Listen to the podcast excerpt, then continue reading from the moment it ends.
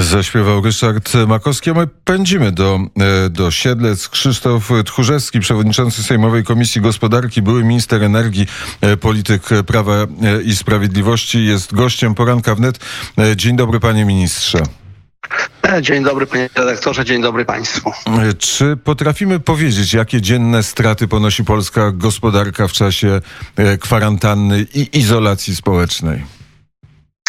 E, te takie straty bezpośrednie w tej chwili są dosyć trudne do ocenienia, ale e, możemy powiedzieć tak, że e, na przykład miesiąc marzec to jest, jest w miesiącu marcu było zużycie prądu w Polsce zmniejszone w stosunku do marca 2019 roku o 4%.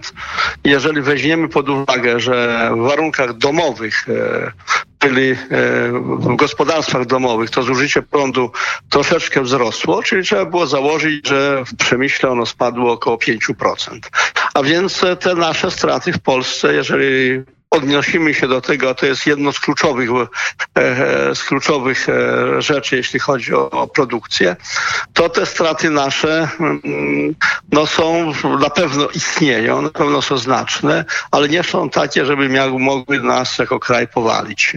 A więc tutaj możemy powiedzieć tak, że po wdrożeniu dwóch etapów e, zaostrzania sankcji, po uchwaleniu z jednej strony tych sankcji związanych właśnie z walką z koronawirusem, a więc e, be, związanych z bezpieczeństwem, zaostrzeniem sposobu poruszania się, e, zaostrzeniem kontaktów osobistych, odległości, funkcjonowania placówek, e, zarówno e, gospodarczych, usługowych zasadniczo, ale także placówek e, handlowych, sposób postępowania. Tutaj należą się w Polsce e, duże wyrazy uznania, zarówno pracownikom służby zdrowia, ale i policjantom, służbom sanitarnym, żołnierzom, e, wszystkim farmaceutom, które są, którzy, wszystkim tym, którzy są na pierwszym froncie walki z koronawirusem. Jednocześnie też trzeba powiedzieć tak, że mm, już widać, że w przedsiębiorstwach się starają utrzymać miejsca pracy, utrzymać produkcję. Polska gospodarka z tego koronawirusa no, na pewno wyjdzie trochę osłabiona, ale na pewno mniej osłabiona niż w innych państwach. Tak to odbieram. Z drugiej strony chciałbym powiedzieć tak, że, że, że te zadania społeczne, które zostały postawione, jeśli chodzi o kontakty międzyludzkie, o e, sposób prowadzenia oświaty, więc tutaj się należą też duże wyrazy uznania zarówno nauczycielom e, szkolnym, jak i akademickim, rodzicom, uczniom, że przestawili się na zupełnie inny sposób funkcjonowania. Polskie społeczeństwo jest bardzo elastyczne. Niemniej jednak ten czas nauki życia z koronawirusem powinien się zakończyć. My powinniśmy się teraz nauczyć już normalnie, zacząć normalnie funkcjonować, mając świadomość jego istnienia. I, I tutaj, jest, i jeżeli to... możemy... Tak. E, I jeżeli, to jest jeżeli chcemy. Proszę? Panie ministrze, proszę bardzo. E, jeżeli chcemy normalnie dalej żyć i funkcjonować, to nie możemy dopuścić do tego, żeby nasza gospodarka dalej przystawała. Ona musi rozpocząć e, normalny rozruch w kierunku do normalnej produkcji, do normalnego funkcjonowania.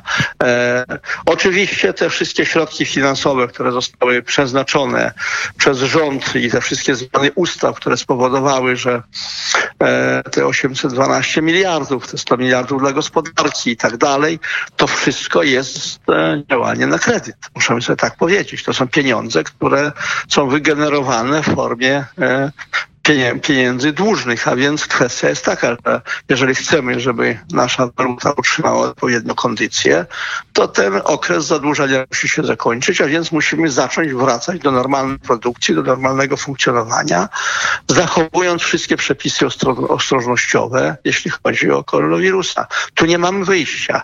Jeżeli chcemy egzystować i istnieć, jeżeli chcemy, żeby, żeby być e, nadal e, na etapie przodującego kraju w Europie, Jeśli chodzi o rozwój gospodarczy, no to tutaj musimy także potrafić się wyjść z tej zapaści pandemii, która powoduje no, zapewne zapaść gospodarczą i społeczną i zacząć normalnie funkcjonować. To jest niezbędne i dlatego też, jeżeli popatrzymy na te wszystkie terminy, oczywiście pewne zaostrzenia wchodzą istotne i słuszne od 16 kwietnia.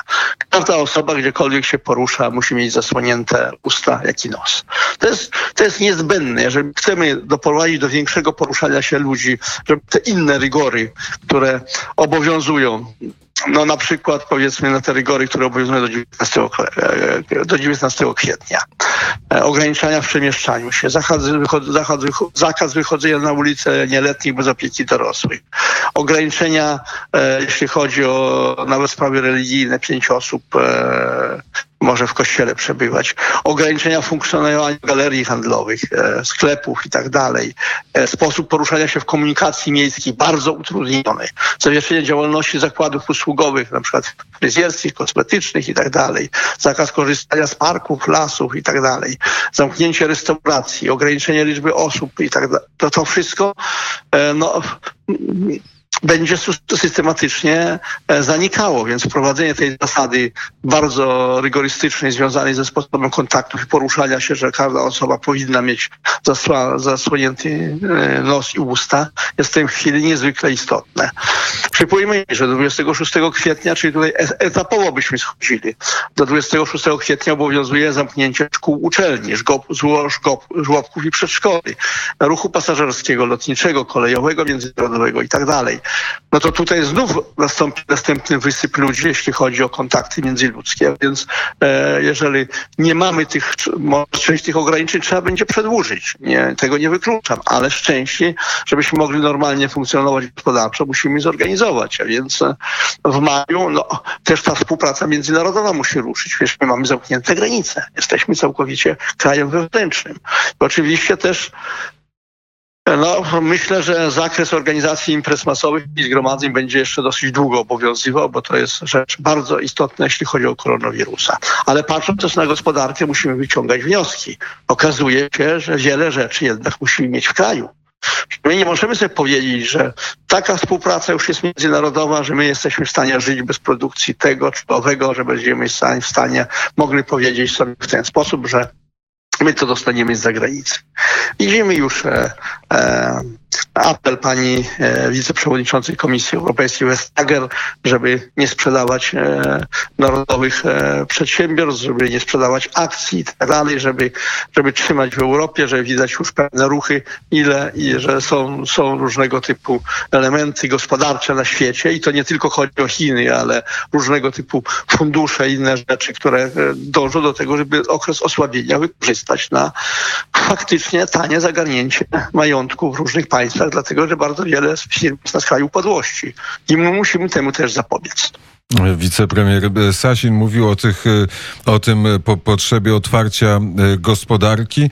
E, te kroki, one są już policzone, czy już wiadomo, czy pan przewodniczący wie, od czego rozpoczniemy to odmrażanie?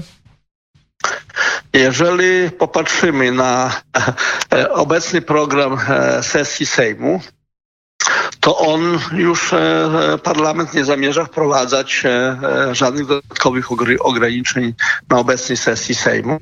A więc jeżeli są pewne terminy w ustawach, które, które są zapisane, one będą obowiązywały i te wszystkie zasady, natomiast nowych rzeczy tutaj już nie widać. Widać natomiast szereg różnego typu zmian gospodarczych i tutaj jest mój duży apel do, do, zarządów i władz przedsiębiorstw, do, do, także i do stron społecznych przedsiębiorstwach, żeby natychmiast przystępować do rozpracowania organizacji pracy na długo, organizacji pracy w ramach e, życia i produkcji i utrzymania rentowności własnych firm w ramach e, no, jednoczesnej walki z tą epidemią, my będziemy musieli się z tym uporać, ale też będziemy musieli zacząć też, e, no, nie, może nienormalnie, ale na granicy normalności żyć i funkcjonować. I to jest niezbędne, żeby te rzeczy przełamać. No bo przecież bardzo wiele osób dodatkowo poszło na zwolnienia lekarskie. Tutaj, jeżeli jakakolwiek, jeżeli jakiekolwiek choroby, no to tutaj lekarze, biorąc pod uwagę ostrożność epidemi- e, związaną z epidemią, no, udzielali zwolnień lekarskich. Wiele, wiele rzeczy zostało na trochę, trochę pseudo zdalną pracę zamienione.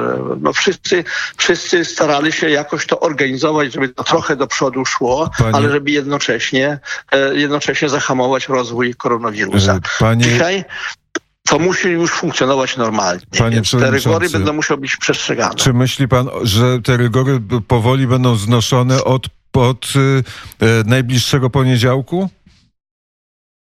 Ja myślę, że część tych rygorów będzie, e, mam takie przekonanie, biorąc pod uwagę terminy ustalone i sposób funkcjonowania. No tutaj e, w posiedzeniach rządu nie uczestniczę, ale wszystko wskazuje ze sposobu postępowania, że one będą systematyczne, nie znoszone. One muszą być systematycznie znoszone, żeby, żebyśmy po prostu wytrwali, żeby nam się pieniądz nie sypnął, żebyśmy mogli normalnie w Polsce żyć e, nadal i mieć szansę e, uczestniczenia w tej rywalizacji gospodarczej międzynarodowej.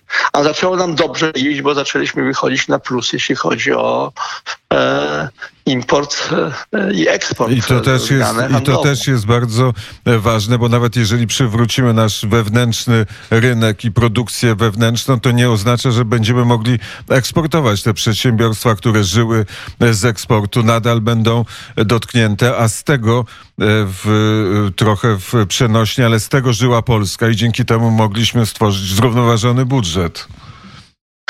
Właśnie na tym rzecz polega. Jeżeli mamy utrzymać formułę zrównoważonego budżetu, jeżeli mamy utrzymać tempo rozwoju gospodarczego, to musimy się otworzyć także na współpracę międzynarodową z powrotem. Musi, musi wrócić odpowiedni I- poziom I tutaj, eksportu. i tutaj to na jest bardzo trudne zadanie, ale, ale ono, ono, tutaj też musimy sobie poradzić. I tutaj naprzeciw wychodzi pan e, wiceprzewodniczący Komisji Europejskiej, pan Timmermans, który mówi o polityce klimatycznej.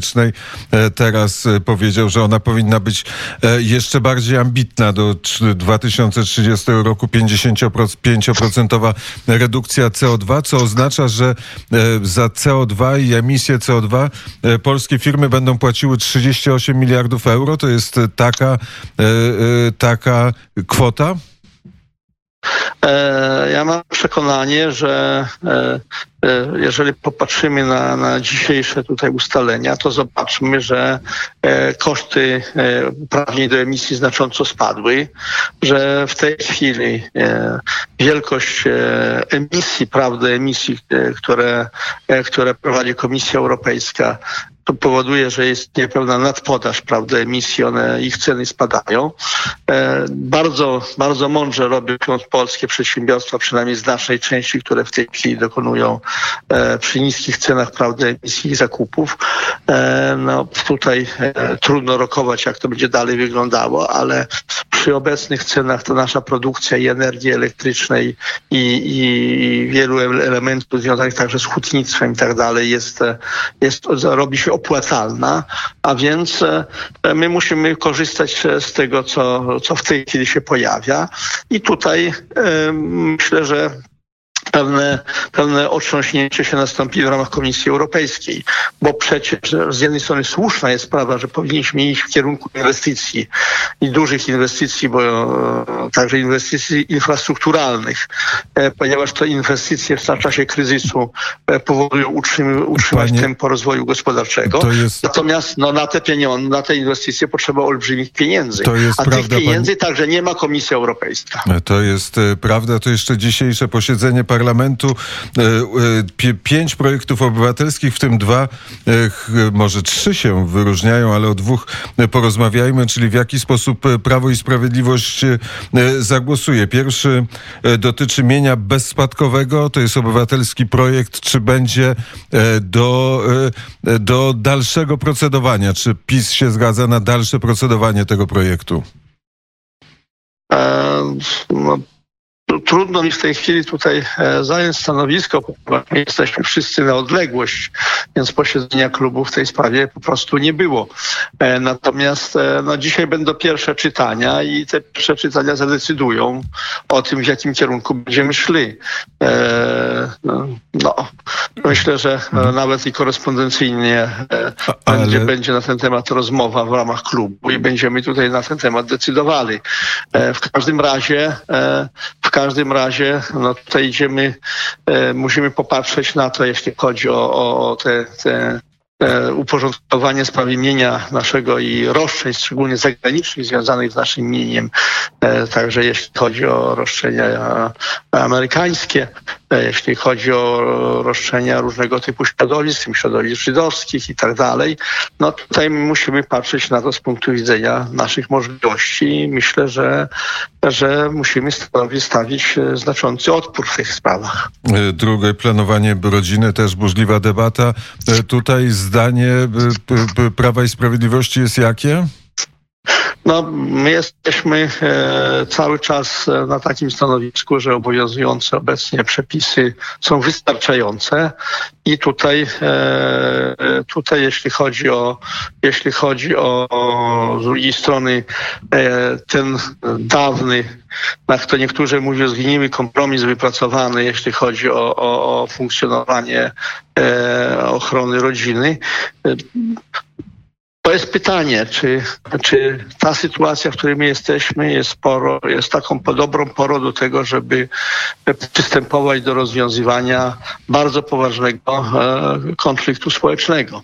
Ja jestem e, katolikiem, jestem praktykującym katolikiem, ale więc jestem za tym, żeby chronić życia e, poczętego, jak to można określić, w pełnym zakresie. Z drugiej strony też też musimy patrzeć, że nasze społeczeństwo jest w tej chwili bardzo znacznie spolaryzowane. Więc e, ja ze swojej strony, e, stojąc na tych takich pryncypialnych stanowiskach, to powinien być jako katolik za wzmocnieniem dalszej ochrony życia z jednej strony. Z drugiej strony e, też e, e, jako, jako katolik kiedyś e, w latach 90. zagłosowałem za tą ustawą, ponieważ uważałem, że obecnie obowiązującą, ponieważ uważałem, że ona daleko, daleko bardziej chroni życie niż wszystkie wcześniej obowiązujące przepisy. I teraz musimy wyważyć sytuację, czy jest w kierunku stawiania wszystkiego e, że tak powiem, no. e, na ostrzu noża w taki sposób, żeby e, dochodziło do ostrych rozstrzygnięć i dużych konfliktów, bo wiadomo, że tutaj e, jest w Polsce duże spolaryzowanie, to nie ulega wątpliwości. Słyszę, słyszę dzwony, I... to są zarówno dla pana ministra, jak i dla nas, bo jest godzina e, dziewiąta. Tak, tak jest.